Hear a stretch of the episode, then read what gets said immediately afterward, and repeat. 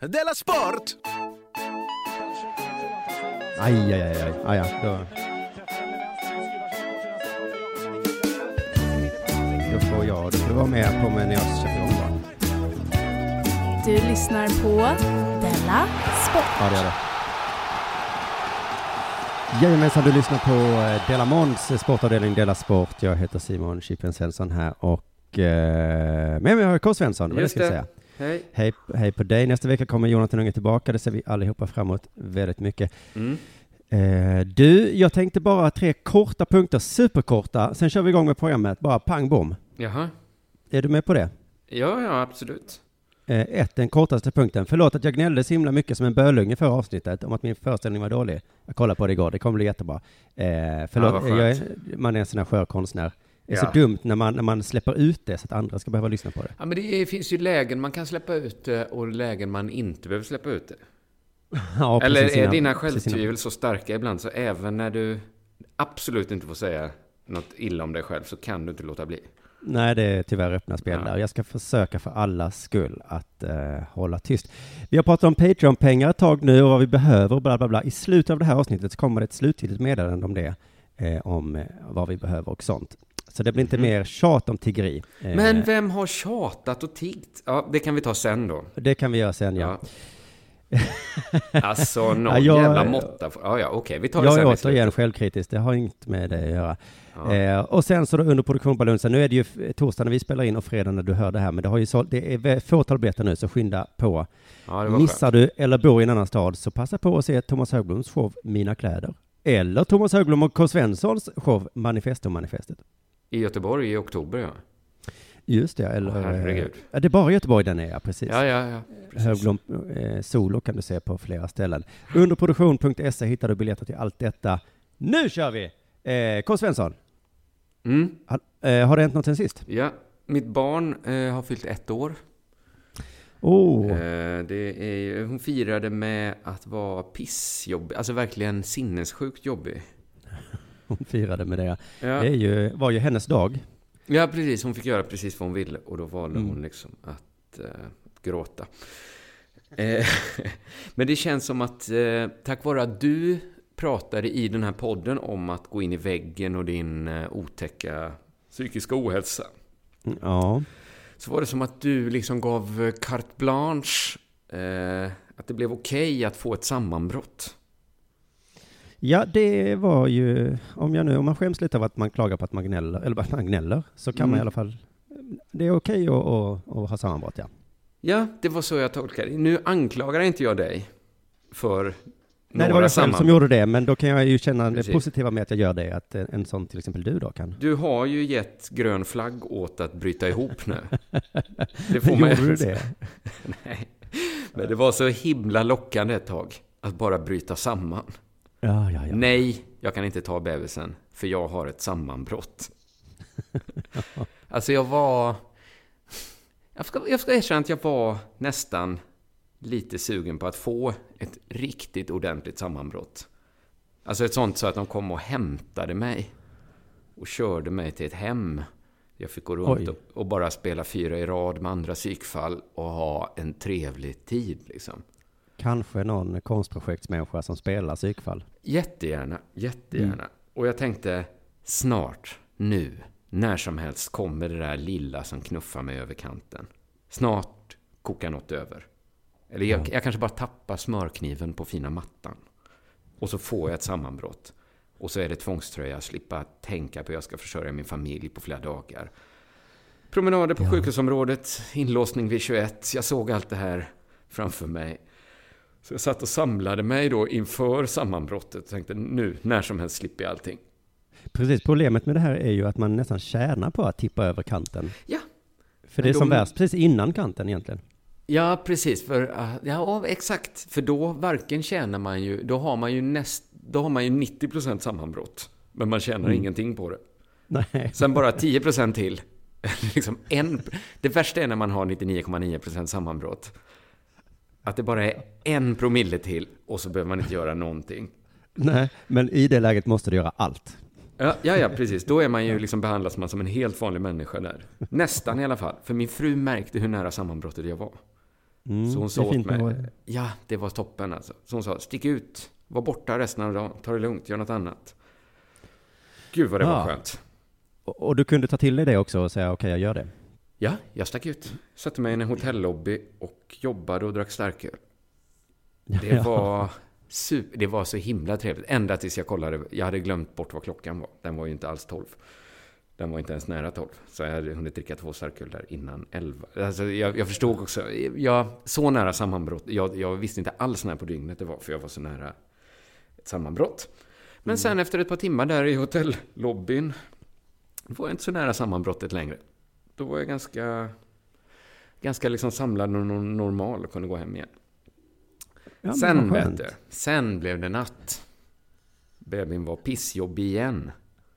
Då kom, då kom betalningen för den trevliga dagen jag hade haft. Ja, ja, ja, just det. Min fru fick ett sammanbrott.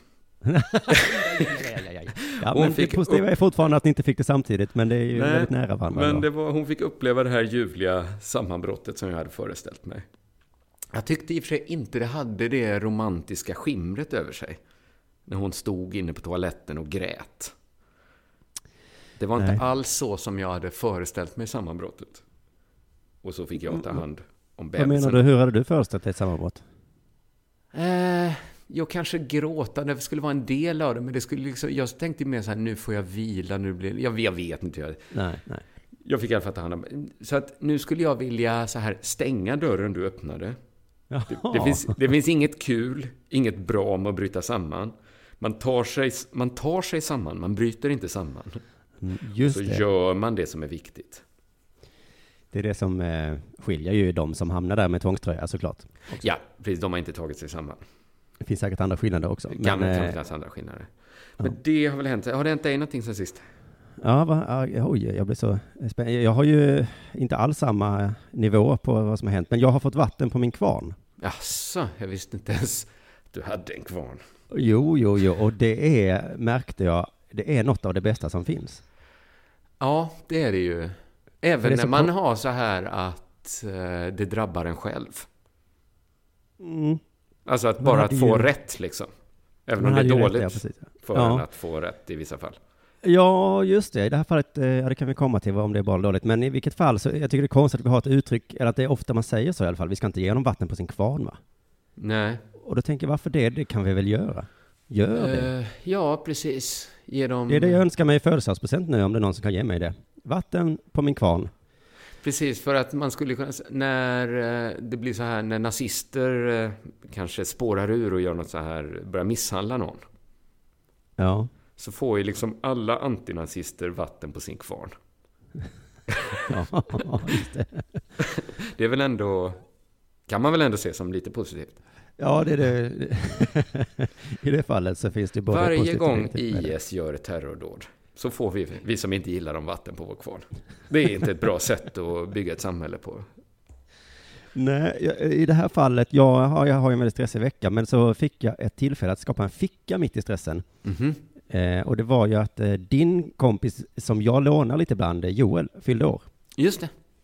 Jag ser honom som min kompis också. Han då skulle dricka öl på Metro och då tänkte jag, nu är klockan nio och jag borde, men jag orkar inte. Nej, men nu går jag bara dit och tar en öl då, så, så glömmer jag allt. Och det funkade, så jag satte mig där och hade jättetrevligt. Ja. Eh, och så eh, försvann då Joel såklart iväg med, med, med någon. Men eh, då fick jag chansen att prata med en kulturproducent. Ja, ja, ja. ja han känner ju mycket sånt folk, ja. Ja, som precis hade haft en premiär för någon jättekonstig teaterpjäs då i alla fall. Och så pratade jag lite med henne vad hon jobbade med, vad liksom, vad hon gjorde så. Och då var det mycket att, att samla pengar Mm. då som hon gjorde. Och då frågade jag då om det var ungefär som vi då, att man försöker hitta sponsorer bland företag. Och så nej, det är väldigt sällan det, utan det är liksom eh, en, någon form av bidragspengar, någon form av från allmänna skattepengar liksom. Mm. Mm. Och, eh, men då kom hon, eh, eh, här kommer vattnet min kvarn då, att, att om man får sådana bidrag, då är de jätte, jättepetiga och lägger sig i liksom produkten. Ja, just det.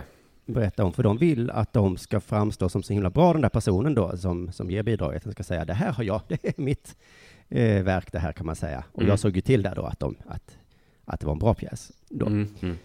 Eh, för den stora kritiken mot oss, vi har fått lite kritik så att vi har eh, eh, så här spelbolagssponsorer och så. Jag såg senast Dilan Apak twittra om det, att det var så sjukt att komiker hade spelbolag som Ja. sponsorer. Men det, men det de har ju eh, aldrig lagt sig i. Ens en gnutta liksom. De har inte ens lagt sig i den delen som handlar om dem.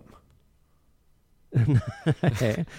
Så att för det har jag för mig den stora kritiken som mot att kultur ska liksom finansieras av företag. Så ja, men då blir det, då kan man inte lita på innehållet riktigt. Fast nu är det ju precis tvärtom. Man kan inte lita på innehåll gjord av bidrag. Det var min kvarn som jag har haft som jag fick Ja, vatten ja. på. Och det var vattnet då, ja. Ja, ja. det var vattnet där ja.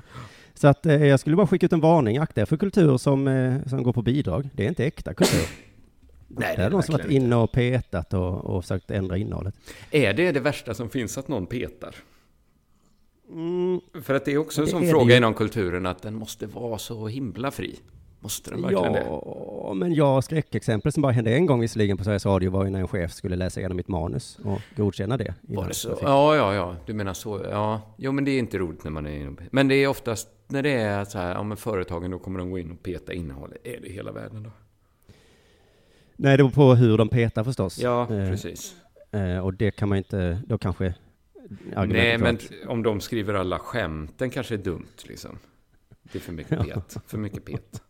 Ja, ja. Ja, P- P1 är inte hela världen. Det, där var säkert en jättebra pjäs. Ja, men jag menar det, man kan ju, på samma sätt som man säger att allt vatten på alla kvarnar är inte dåligt. Allt pet är ju inte dåligt heller. Nej, men nu är, du är så, har blivit sån himla relativism på senaste tiden. Ja, jag har ju det. Inget har någon betydelse längre för dig, så att det kvittar vad man säger. Precis, allt är bara liksom helt objektiva utsagor om, om hur världen är. Det betyder ingenting riktigt. Så. Nej, det har ingen betydelse det. Så. Men då kan du kanske få lägga värdering i det som hände med eh, andra gången, för jag eh, tvingades iväg, jag skulle byta mm, lägenhet. Och då fick jag gå till fastighetsbolaget för att skriva på ett kontrakt. ja. Och då fick jag ett kvitto på att jag inte är en störig språkpolis. Nej. En sån som kommenterar och, och eh, är jobbig va. För att vi satte oss på ett litet kontor och hon som jobbade där gick igenom kontraktet, liksom läste högt kan man säga, eh, på olika ställen. Och sa hon ad- adressen sa hon högt och sen skulle hon säga vad kvarteret hette. Mhm. Eh, kvarteret hette Marskalken. Mhm. Och så sa hon eh, kvarteret Marskalken. Ja. Och så sa hon det, och sen sa hon det en gång till. Och jag Ja. sa ingenting. Jag lät det bara passera. Mm. Ja, men det tycker jag hedrar dig faktiskt. Ja, där kände jag vilken underbar människa jag är. Ja, det är du faktiskt. Det är Som du. lät Kliade det i dig? Jag skulle säga att kliet var eh, inte så jobbigt som det har varit tidigare i mitt liv. Så det här är nog en förändring hos mig. Men eh, när hon sa det andra gången, var det samma liksom sätt hon sa fel på eller hade hon vridit upp det? Nej, hon vred upp det för att det var verkligen att hon stakade sig lite och verkligen såg ett ord som hon inte... Det, var, det är konstigt S och K där i mitten. Hur fan ska det där gå till? Märkte man att hon... Halk. Ja, för det skulle ju kunna varit att hon liksom testade dig hur långt hon kunde gå. Så, Nej, det går inte. Marskuken heter kvarteret ni bor i. Okej. Och sen till slut har de sagt, nej, ni kan inte bo här, det fattar ni väl så det här. Eh, Man måste ju säga ifrån om någon säger fel. Nej, men så det var, det var, ehm, det var ju fint, så vi får lov att bo där. Ja, vad skönt. Ja, När, nu, Ja, nu. när? Är det är dags för... Nu är det dags för eh, det här, ja.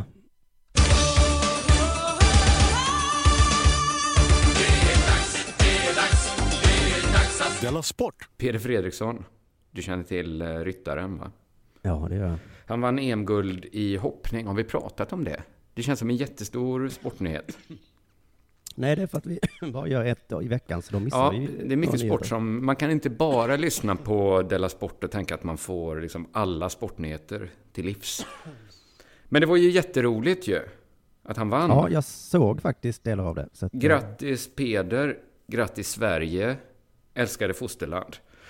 Eh, och som alltid när det gått bra för någon i hästning så kommer frågan, vem var det egentligen som vann? Vi har ju Jaha. pratat om det här tidigare. Ja.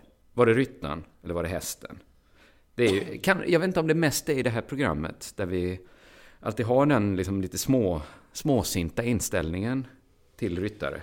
Ja, man måste ju ha en vinkel. Men eh, ja, när jag satt och kollade så satt jag var lite kritisk då för att min, eh, min tjej älskade det, så skulle jag försöka lära mig. Och vet du vad, jag, nu är jag ju inte konsekvent här, men jag kritiserade hästens namn. Mhm. chefen heter Hennes och Maurits och sen sitt vanliga namn. Tycker du att Hennes och Mauritz har varit inne och petat där? Det tycker jag faktiskt. Namnet på hästen kan ni väl låta bli, för fan. Men det är också så himla konstigt att döpa... Ett djur är ju liksom en individ. Att döpa den till Hennes och Moritz. Alltså, an, alltså det är ju som att döpa den till liksom Kajsa och Lotta. Ja, och sen så då, vad hette den? Vet du vad den heter på riktigt? Eh, nej. Nej. Eller har den en rikt... Den har ett riktigt namn och ett artistnamn. Nej, men om vi låt säga att den heter eh, eh, Filip då, hästen, så heter den ju Hennes Maurits Filip. Men nu heter den kanske All In eller något sånt där. Aha, men vad tydligt det verkar vara att hästar inte vet vad de heter. Ja, du kan kalla Om man bara kan kalla dem vad som helst, ja. Pollen och gubben och... De kommer ändå inte när man ropar. Så. Men om du säger då stannar de. Då, ja. Men frågan vi har ställt, jag vet inte om vi någon gång har kommit fram till ett svar på frågan hur viktig är egentligen hästen? Nej, jag tror har eh, antytt att det är hästen som är viktigast. Ja, precis. Och jag tänkte, jag har ju faktiskt en eh, människa som kan mycket om hästar och hästsport levande under samma tak som jag, nämligen min fru. Mm. Så jag tänkte, nu, nu, nu ska jag inte behandla häst, för jag kände det när vi kollade på, jag tror det var lagtävlingen, att jag satt och ritade med mina kritor medan vi Alltså det kändes som, gud vad jag inte hade gjort det om det varit fotbolls-EM. Nej, Eh, att, att jag visar så himla lite respekt. Så jag tänkte, nu ska jag fråga henne, jag ska pumpa henne på all information. Det- Hon kan ju saker. precis. Men hon... Alltså det finns ju en fråga till då som hänger ihop med frågan om hur viktig hästen är.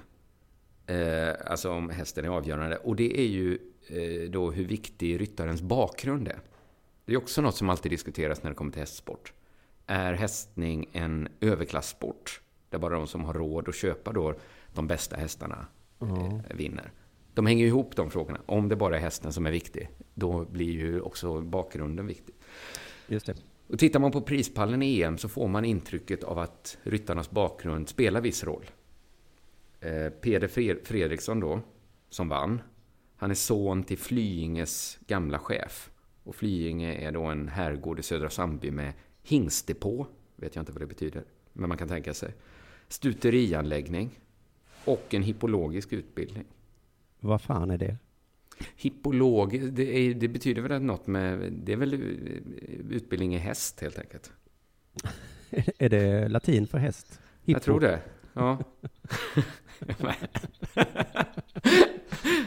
ja men det, detta får inte vara det roliga, att saker heter roligt. Nej, det är på- jättelogiskt att flodhäst på engelska heter hippopotamus. Det är ju Just det. häst då som är hippo. Det, jag bara tyckte det lät kul. Och pottamus betyder flod då, får vi bara utgå ifrån helt enkelt. Men det är också roligt att alla, i alla kulturer tycker vi att flodhästen är så mycket, så mycket häst liksom. Ja, just det. Det skulle kunna vara en, s- Kunna inte heta flodbjörn eller liksom vad, vad som helst. ja. Eh, även Peders bror Jens då, som har samma pappa, då antar jag. Han har ju också tävlat för landslaget i OS 2012 till exempel. Holländaren som tog silver nu i EM har också en pappa som är hästuppfödare. Och han som tog brons var jätterik. Källa min fru då. Det är alla fakta jag säger nu, är källa Just min det. fru. Mm. Eh, Så tittar, tittar man på eh, prispallen så är det ju rätt tydligt att eh, bakgrund spelar viss roll. Vilket i sin tur beror på då att eh, vilken häst man har. Att, det- att det- den har viss betydelse. Precis, det jag talade om senast när jag pratade om häst var ju en tjej då som bevisade att det inte var så som du försöker lägga fram. Ja, Men då hade de ett exempel på en tjej som inte hade en rik bakgrund. ja precis. Eh, för detta är ju, det jag sa nu var ju liksom inga nya, det är ju alltså ungefär vad alla förväntar sig. Att det krävs bra hästar, bra tränare, engagerade föräldrar som liksom orkar köra, alltså det kanske är så tävlingar i Baden-Baden eller något sånt. Det är inte så till Svenljunga som det var när jag spelade fotboll. Alltså, och framförallt då enligt min fru, att det är när man fyllt 18 och det börjar bli dyrt på riktigt. Det är då man behöver liksom föräldrar som fortfarande orkar bry sig. Bra trä- tränare, bra hästar och allt sånt. Och då hjälper det såklart om ens pappa är chef för en hingstdepå. Mm. Kan man tänka sig. Det finns att ta av. Vad som, Om en häst är dålig så tar man bara en annan från depån. då tar man det. Det som inte verkar hjälpa är att bara vara en liksom tjej som är jättebra på att rida. Nej, nej, nej. Det verkar inte vara det liksom viktigaste eh, när, när det kommer till hästsport. Enligt min fru så känner alla människor en tjej som har vunnit SM-guld i ponny. Jaha, ja. Ja, så, så kan det vara. Eh, men ponnyridning, det är fortfarande ganska dyrt om man jämför med andra sporter, men det är liksom inte, det är inte så himla svettigt dyrt eh, som det blir sen. För det är sen när det Nej. blir så här urdyrt som alla liksom, duktiga hästtjejer tvingas sluta. Men är inte då man behöver en sponsor eller någonting?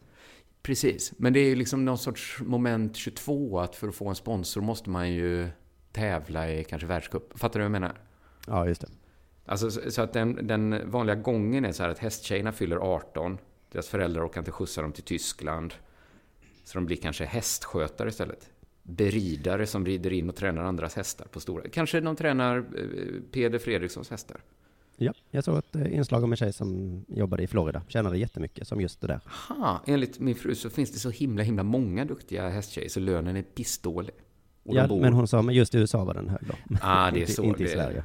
Enligt min fru så bor sådana hästtjejer i, citat, någon skrubb ovanför sadelkammaren. Jag, får, jag måste verkligen dubbelkolla alla de här faktorna sen jag har fått kasta på mig. Men, men du har, du har intresserat dig, du har hittat en person som kan. Ja, då- men de blir liksom inte OS-ryttare, de kanske blir ridlärare då. För att de Ja. saknar liksom den här bakgrunden som i sin tur ger tillgång till de här hästarna och så vidare. Så här har hästsporten sett ut och så ser det ut idag om man tittar på EM. Men det är inte säkert att det kommer vara så för alltid. Här kommer liksom ljus i mörker. Om man nu tycker det här är mörker, det kanske bara är en, det är bara en gammal ordning. Som eh, Peder Fredriksson symboliserar. Den kanske håller på att falla. För förr krävdes det ju då pengar, sinnessjukt dedikerade föräldrar för att kunna tävla. Och då kunde man få fans och sponsorer. Moment 22. Eh, för att tjäna pengar på att rida så måste du redan ha pengar. Men nu, vet du, Ja. nu håller de där tjejerna som inte hade råd eh, att fortsätta. De, de som liksom eh, blev beri, fick bli beridare, de håller på att bli stora på internet. Som vadå? Som så här bara fotar sig själv med hästen de tränar. Det är ju ingen som bryr sig vem som äger hästen. Ah, ja, ja. Så att de, de är ju jätteduktiga på att rida på den hästen. Hästen är jättefin. Är det så att man gillar någon? Ja, man gillar en fin häst. Ja, det är det. Så de har massa fans, källa, ja, min fru. De är flickidoler utan att behöva köpa en dyr häst och bli skjutsade runt Europa av sina föräldrar. De får till och med betalt för att sköta den här hästen. Precis. Det tycker jag, det skulle kunna förändra allt. Det här blir då en eh, framtidsprofetia. att Man behöver inte vara med i världskuppen för att bli idol. De är liksom hästsportens poddare ju. Och Peder Fredriksson är liksom hästsportens P-tant mer. Han har ju radioteatern mer. Ja, eller Melodifestivalen, eller vad man ska säga. Så, så det, det glädjande är ju då att i framtiden kanske ens bakgrund kommer vara mindre viktig. Det deppiga är ju att hästen kommer fortfarande vara lika viktig. Mm. Eller hur? Det är Ja. fortfarande det lilla minuset för hästsporten, att det är så himla mycket en materialsport. Man skulle ju vilja att någon gjorde någon typ av revolution, stal hästen och började tävla med den. Det skulle Och fortfarande var det med- hästen som var den viktiga. Ja, men så var det OS och så sa man så här, här är lilla tjej, det här var ju tidigare Peder Fredrikssons häst. Men Mm. sen stal hans häst skötare den. Och nu är hon här OS. Så himla skamlöst. Ja. Polisen står och väntar vid målfållan. Och så skulle hon vara liksom, alla heja på den ändå. Men det behövs ju inte längre, det räcker ju att bara fota sig med Peder Fredrikssons häst.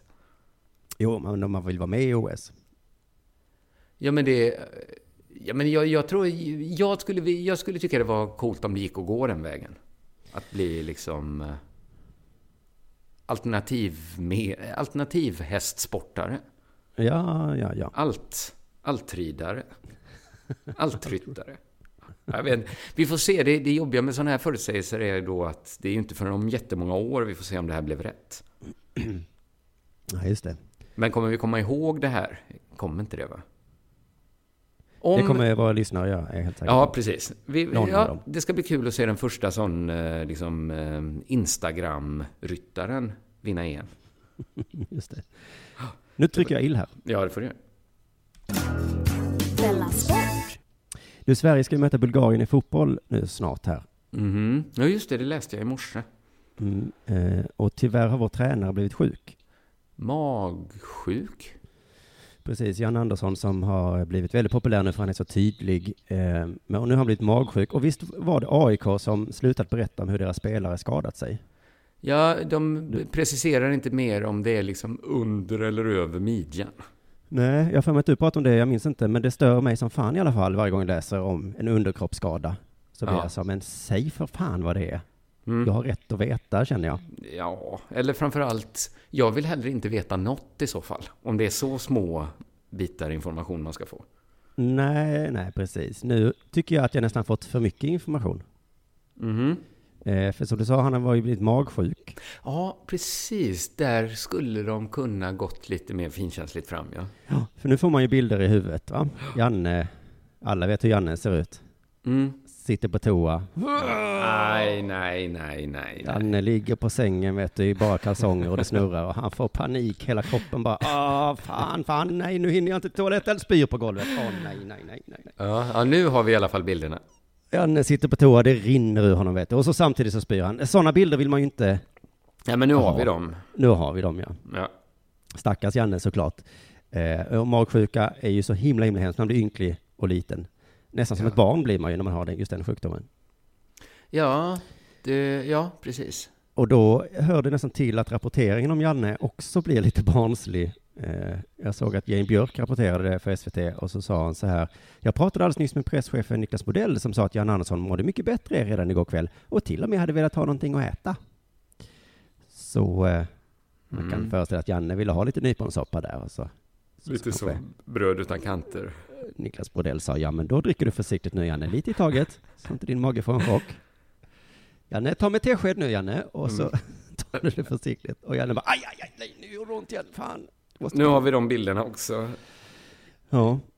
Jag läste också det här om Janne då. Statusen med Janne är att han mår mycket bättre och vi har pratat med honom. Han hade feber igår, men det har lagt sig och magen är stabiliserad. Mm. Så skönt. Avföring är inte helt normal. Det rinner inte längre rakt ut, men det har Nej, men stabiliserats lite i alla fall. det här är så fruktansvärt äckligt av dig, Simon. Jag vet, ska vi behöva matas med det här? Det, Ja, det kan man fråga sig. Då är det väl bättre som AIK att säga att Janne har drabbats av en innerkroppsskada. Ja, den är ju då över och precis under om han också har... Om det liksom kommer ur alla... Ja, Just det, över. är liksom, ja, röven är ju under, under bältet. Ja, under bältet, ja. ja så Ja. måste vara under kroppen. Men han är, man kan säga att han är skadad på insidan av kroppen. Och så säger vi Det skulle vara roligt om då verkligen snodde in sig en eh, överkroppssjukdom ja, och ett par centimeter då under ryggslutet där precis sitter ett. Det går ner ett par. Vi säger inte mer än så, men eh, vår tränare just nu har en, en eh, strax under eh, och mest över då, sjukdom. Ja, en rövhålsrelaterad syndrom har han också fått. Just det, men nu är det stabiliserat. Men det skulle vara roligt om de fortsätter fråga om hans mage när han pinnar till innan matchen. Att, att Olof Lund står och frågar så hur känns det i magen nu, Janne? Har du ätit något? Ja. Var det blod i diarrén? För då, då kanske du skulle uppsöka läkare. Om du är torr i munnen, Janne, törstig och kissar lite och har mörkt urin, då är det bra om du dricker mycket nu. Särskilt här i Bulgarien där det är varmt, vet du. Ja, men nu har vi verkligen de här bilderna. Drick inte ur samma vattenflaska nu som, eh, som Ola Toivonen. Du lyssnar på Della Sport.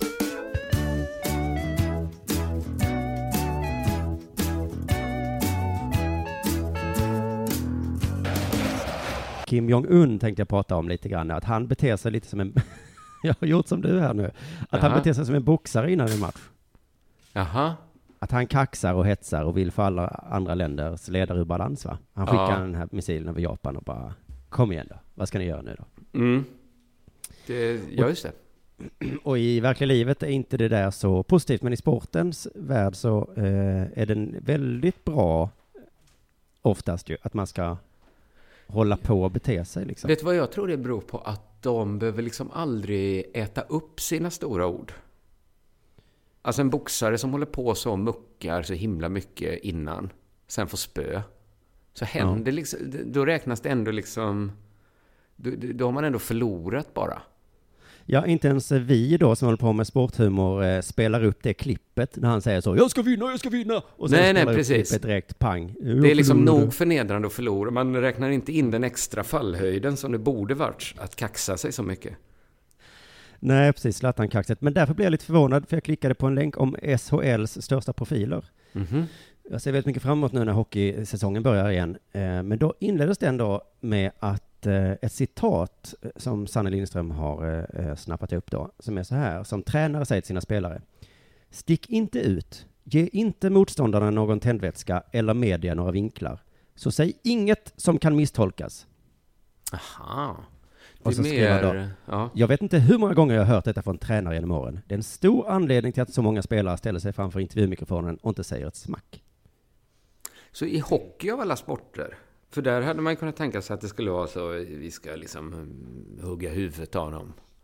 Ja, sånt sägs ju ändå kanske under match. Jag vet inte fan, men just i intervjusituationer ska man inte ge motståndaren någon tändvätska, Nej, nej. vad det nu betyder. Nej, det är ju Eh, faktiskt bara, det är ju ett annat sätt. Man vet ju inte, psykologin är ju ingen exakt vetenskap. Så man vet ju inte hur det funkar. Om man säger så här, jag ska göra slarvsylt av dig. Så vet man ju inte om det, hur det liksom faller, hur det tas emot. Nej, just om man det. liksom är blir peppad tändvätska eller rädd. Precis.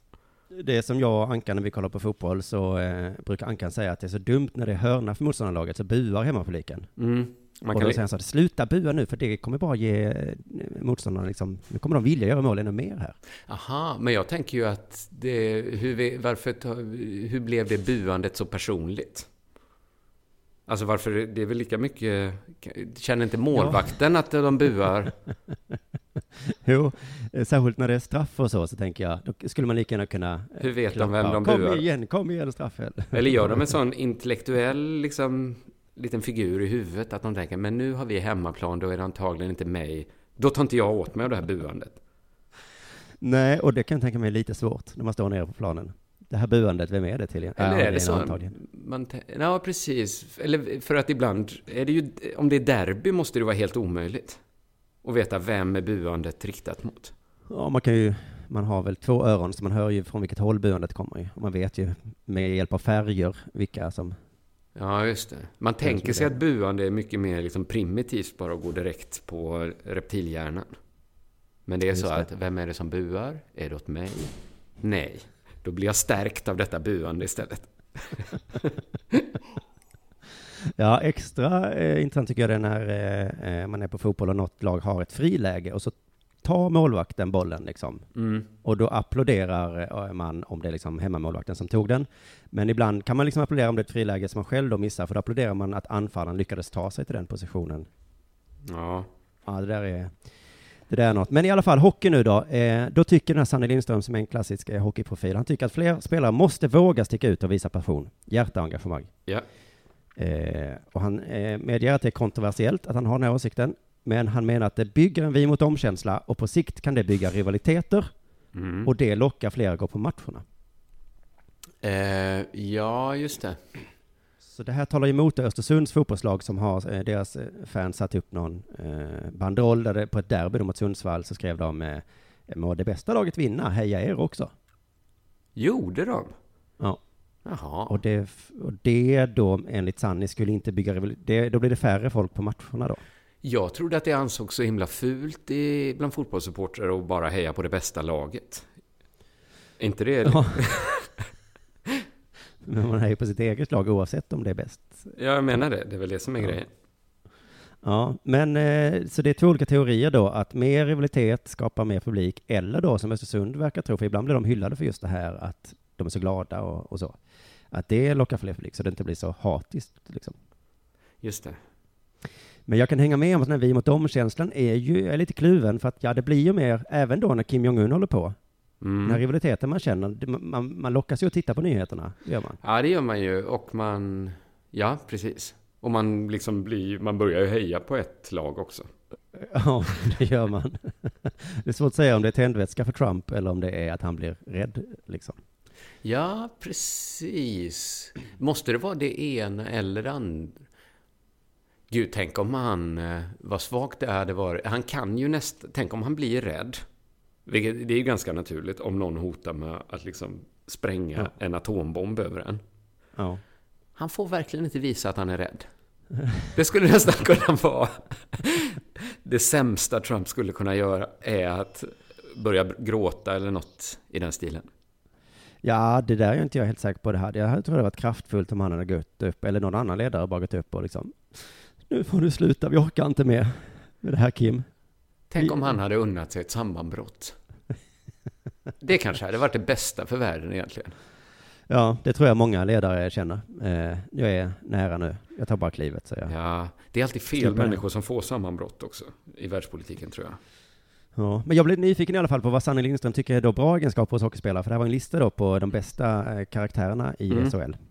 Eh, och då har jag tagit ut några stycken här som jag tycker är intressanta. Tränaren Bert Robertsson, Jaha. Det är ett bra namn bara, tycker jag. Ja, ja, absolut. Jag känner det där är en karaktär. Och då beskrivs han så här, presskonferensens mästare. Ja, någon, någon ska vara det. sin- han har närat sina känslor och står alltid upp för grabbarna i laget, oavsett vad de har gjort.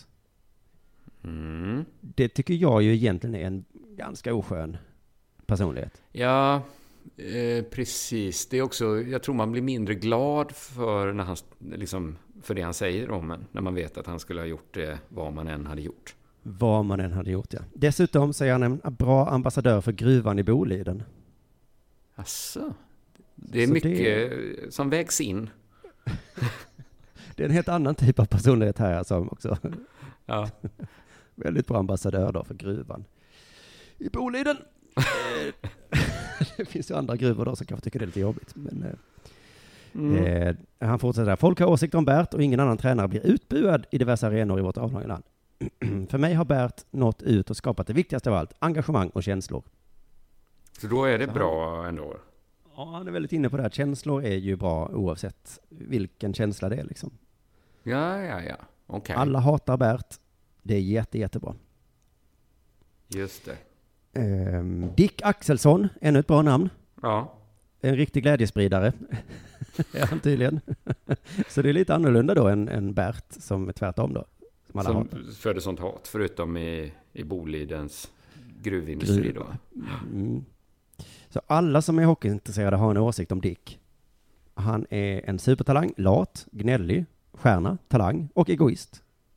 Jaha. Ja. Så det känns som att i SHL ska man ha egenskaper som inte passar in någon annanstans i samhället.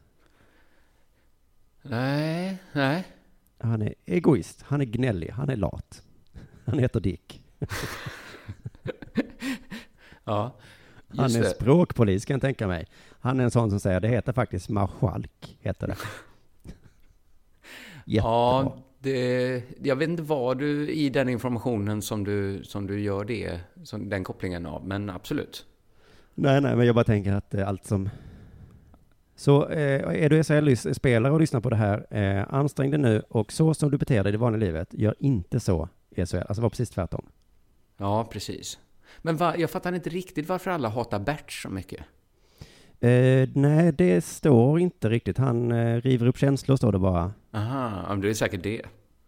Att folk kom för att se en liksom ishockeymatch. Och så fick Ja. de massa... ja, Vad är det för känslor han river upp då? De är ishockeyrelaterade i alla fall väl? Ja, det är inte sorg, hoppas jag. Nej, Att, att ångest. att han, han sjunger så, så liksom sorgsen, en sån portugisisk fado. Så alla faller i gråt. Bert, jag hatar dig för vad du gör med mig. Jag skulle ju äta popcorn och häva mitt lag. Nu är jag Vackert. så sorgsen till sinnet. Tack Ja, men det skulle man ju också- vilja veta vad, vad det är Bert gör. Ja, vi får kanske hålla koll på, på Bert nu då när SHL-säsongen drar igång. Men där sätter vi väl punkt för det normala innehållet i, i dagens Dela Sport. Ja, eh, av någon anledning vill du ha eh, det här pratet i slutet, men då tar vi det nu då. Just det, nu, nu, eh, nu så tar vi det här Patreon-pratet för att vi, är, vi är, vad heter det, Ehm, vi har ju fått frågan så här, ska vi inte bara göra så här, säg vad ni behöver då, så eh, siktar vi mot det målet. Du pratar alltså om hur mycket Patreon vi skulle behöva för att vara en helt Patreon-finansierad podd. Just det. Ja, får jag bara säga så här, för jag har fått kritik då, för de här programmen har jag pratat om Patreon, två program. Ja. Och så har folk tyckt att det var så himla mycket kött om Patreon och att jag var eh, någon sorts avskum som sa att fem dollar är mer än en dollar. Men framför Ja. allt sa jag väl att jag inte tycker att... Alltså jag, det är inte mitt, min bästa finansieringsmodell. Jag tycker Patreon känns som världens svagaste finansieringsmodell. Att be folk att ge gratis pengar. Alltså jag, ehm, jag fattar inte när jag blev Patreons största förespråkare. Nej, men det jag tror att det hänger ihop med att när man börjar prata om, eh, alltså man framstår som lite oskön nästan av sig själv. Alltså det blir ju så när man säger snälla ge, ge oss pengar. Ja, men Ja, jag så tycker får inte vi har sagt det. Vad fan, ge oss inga pengar. Ge oss en sponsor istället eller gå på våra eh, live-event. Så kan man säga. Men eh, då tänkte jag bara ge svar på den frågan då. Vad behöver vi? Ska vi Ja, sätta den här bra. siffran nu? För att jag började fundera på, eh, okej, vad behöver vi då? Och då slog det mig att frågan är så himla orättvis att få. Mm. Ja, precis. Om man tänker en gympalärare då ska få ett jobb, eh, då ställer ju inte rektorn frågan, vad behöver du nu då? Behöver- Kan För du att- skriva upp vad du behöver för att överleva dagen här på ett papper? Utan då vänder gympaläraren på det och säger, nej, utan du får säga till mig vad det är värt för dig att anställa mig, liksom. Ja, just det. Men det kan ju inte vi riktigt säga här va? Nej, det kan vi inte göra, men då blir det ju, men alternativet är att vi blir som Lyxfällan då, att vi skulle få säga, ja det är ju tu, eh, mat, tusen kronor, i, eller två tusen i månaden då, lite mer för dig, för du bor i Stockholm. Ja, Boendekostnaderna är lite olika, och så nöjen då, vad ska vi säga på den? Ska vi sätta... Men vi- det, frågan är väl inte vad behöver ni för att överleva dagen, utan frågan är väl vad är den tiden vi lägger på att göra ett poddavsnitt värd? Ja, precis, men även den är ju då, för det kan man ställa till gympaläraren också då, vad är din tid värd? Och han, gympaläraren skulle inte kunna svara på den om, alltså det gympaläraren gör då är ju att kolla vad andra gympalärare tjänar. Ja, precis. Men, men jag har ju, för att aldrig behöva löneförhandla till exempel, så har jag bestämt att jag har en, en fast liksom, tariff. Vad heter det? Jaha, Liksom kostnad. Och jag vet så här, ibland förlorar jag på det, ibland vinner jag på det. Ibland får jag inte ett jobb. Ibland får jag Nej. liksom mindre betalt än jag hade kunnat få. Men bara för att alltid slippa allt tjafs, så säger jag bara så här att det kostar alltid 5000 kronor om dagen. Ja, ja, ja, då skulle man kunna eh, säga eh, att vi skulle vilja fakturera 5 000 var om dagen. Men jag tänkte att man istället att kolla vad andra poddare tjänar då, precis som gy- gympaläraren gör. Mhm, ja, ja, okej. Och då vet jag inte exakt vad andra poddar, de tjänar såklart jätteolika då. Eh, Ja, Jag läste bara, jag har ett exempel, jag läste om Aron Flam i en artikel, att han får 25 000 i Patreon per avsnitt. mm. Och du nämnde ju UD-podden då med, eller vilken det nu var. som fick 16 000 per avsnitt. Eh, jaha, Plus, Plus. alltså produktionskostnaderna och så här. Men vad, vad Pascalido fick då? Men då Ja, men- gör ju hon bara själva intervjun. Vi gör ju också hela produktionen då. Ja precis, och jag tror du var uppe i 40 000 Ja, sammanlagt just för det det, avsnittet då. Mm. Så det är ungefär samma siffra, för det blir ungefär 20 000 utan skatt då. Mm. Eh, ehm, så då tänkte jag då, eh, då säger vi 25 000 per avsnitt, men då är ju Aron eh, en person, så då är vi två personer, så då ska vi alltså 50 000, nu går det snabbt här, 50 000 per avsnitt ska vi ha eh, åtta avsnitt i veckan, det blir alltså 400 000 i månaden, eh, och om vi har tre avsnitt i veckan så var det alltså 600 000 kronor i månaden. Just nu har vi cirka 17 000 i månaden, så då Då eh, vi... räknar jag ut att vi ska ha ungefär 580 000 till då i månaden. Jag kan tänka mig att göra det för en lägre summa också, måste jag säga. Ja, för då kommer jag fram till, eh, ska vi kräva det innan vi gör avsnitt? Det vill inte jag göra. Nej, precis. Du kan inte Jag tänka skulle- dig att räkna ner den summan lite? Eh, det skulle kunna göra, men jag, precis som du säger, jag skulle kunna göra den här utan eh, någon Patreon alls. Mm. Jag kommer ändå göra deras sport, så det handlar inte om det, tycker jag. Utan Kommer, du verkligen, jag, kommer du göra det om du inte får ett enda öre i betalning? ja, det tror jag att jag skulle göra på något sätt. Ja, ja. Så att, eh, Jag med, säger jag Ja. då. Så Absolut. att jag tänker att vi fortsätter säga, vill du som lyssnar stötta Delamon, så får du jättegärna göra det. Om du inte vill, så behöver du inte göra det. Det är ingen som kommer anklaga dig för att vara snål, utan du får göra det precis som du känner. Ja, men det låter väl bra. Jag ska presentera en ny eh, finansieringsmodell i Frukostklubben i nästa vecka. Spännande. Det blir spännande. Ja. Frukostklubben är ju en del som inte har hittat till. Det finns alltså på Facebook. Man söker då på Frukostklubben och så är det en jättespännande redaktion där när vi diskuterar olika ämnen. Som ibland dyker upp här i podden. Ganska ofta. Mm. Där så sätter vi fredag.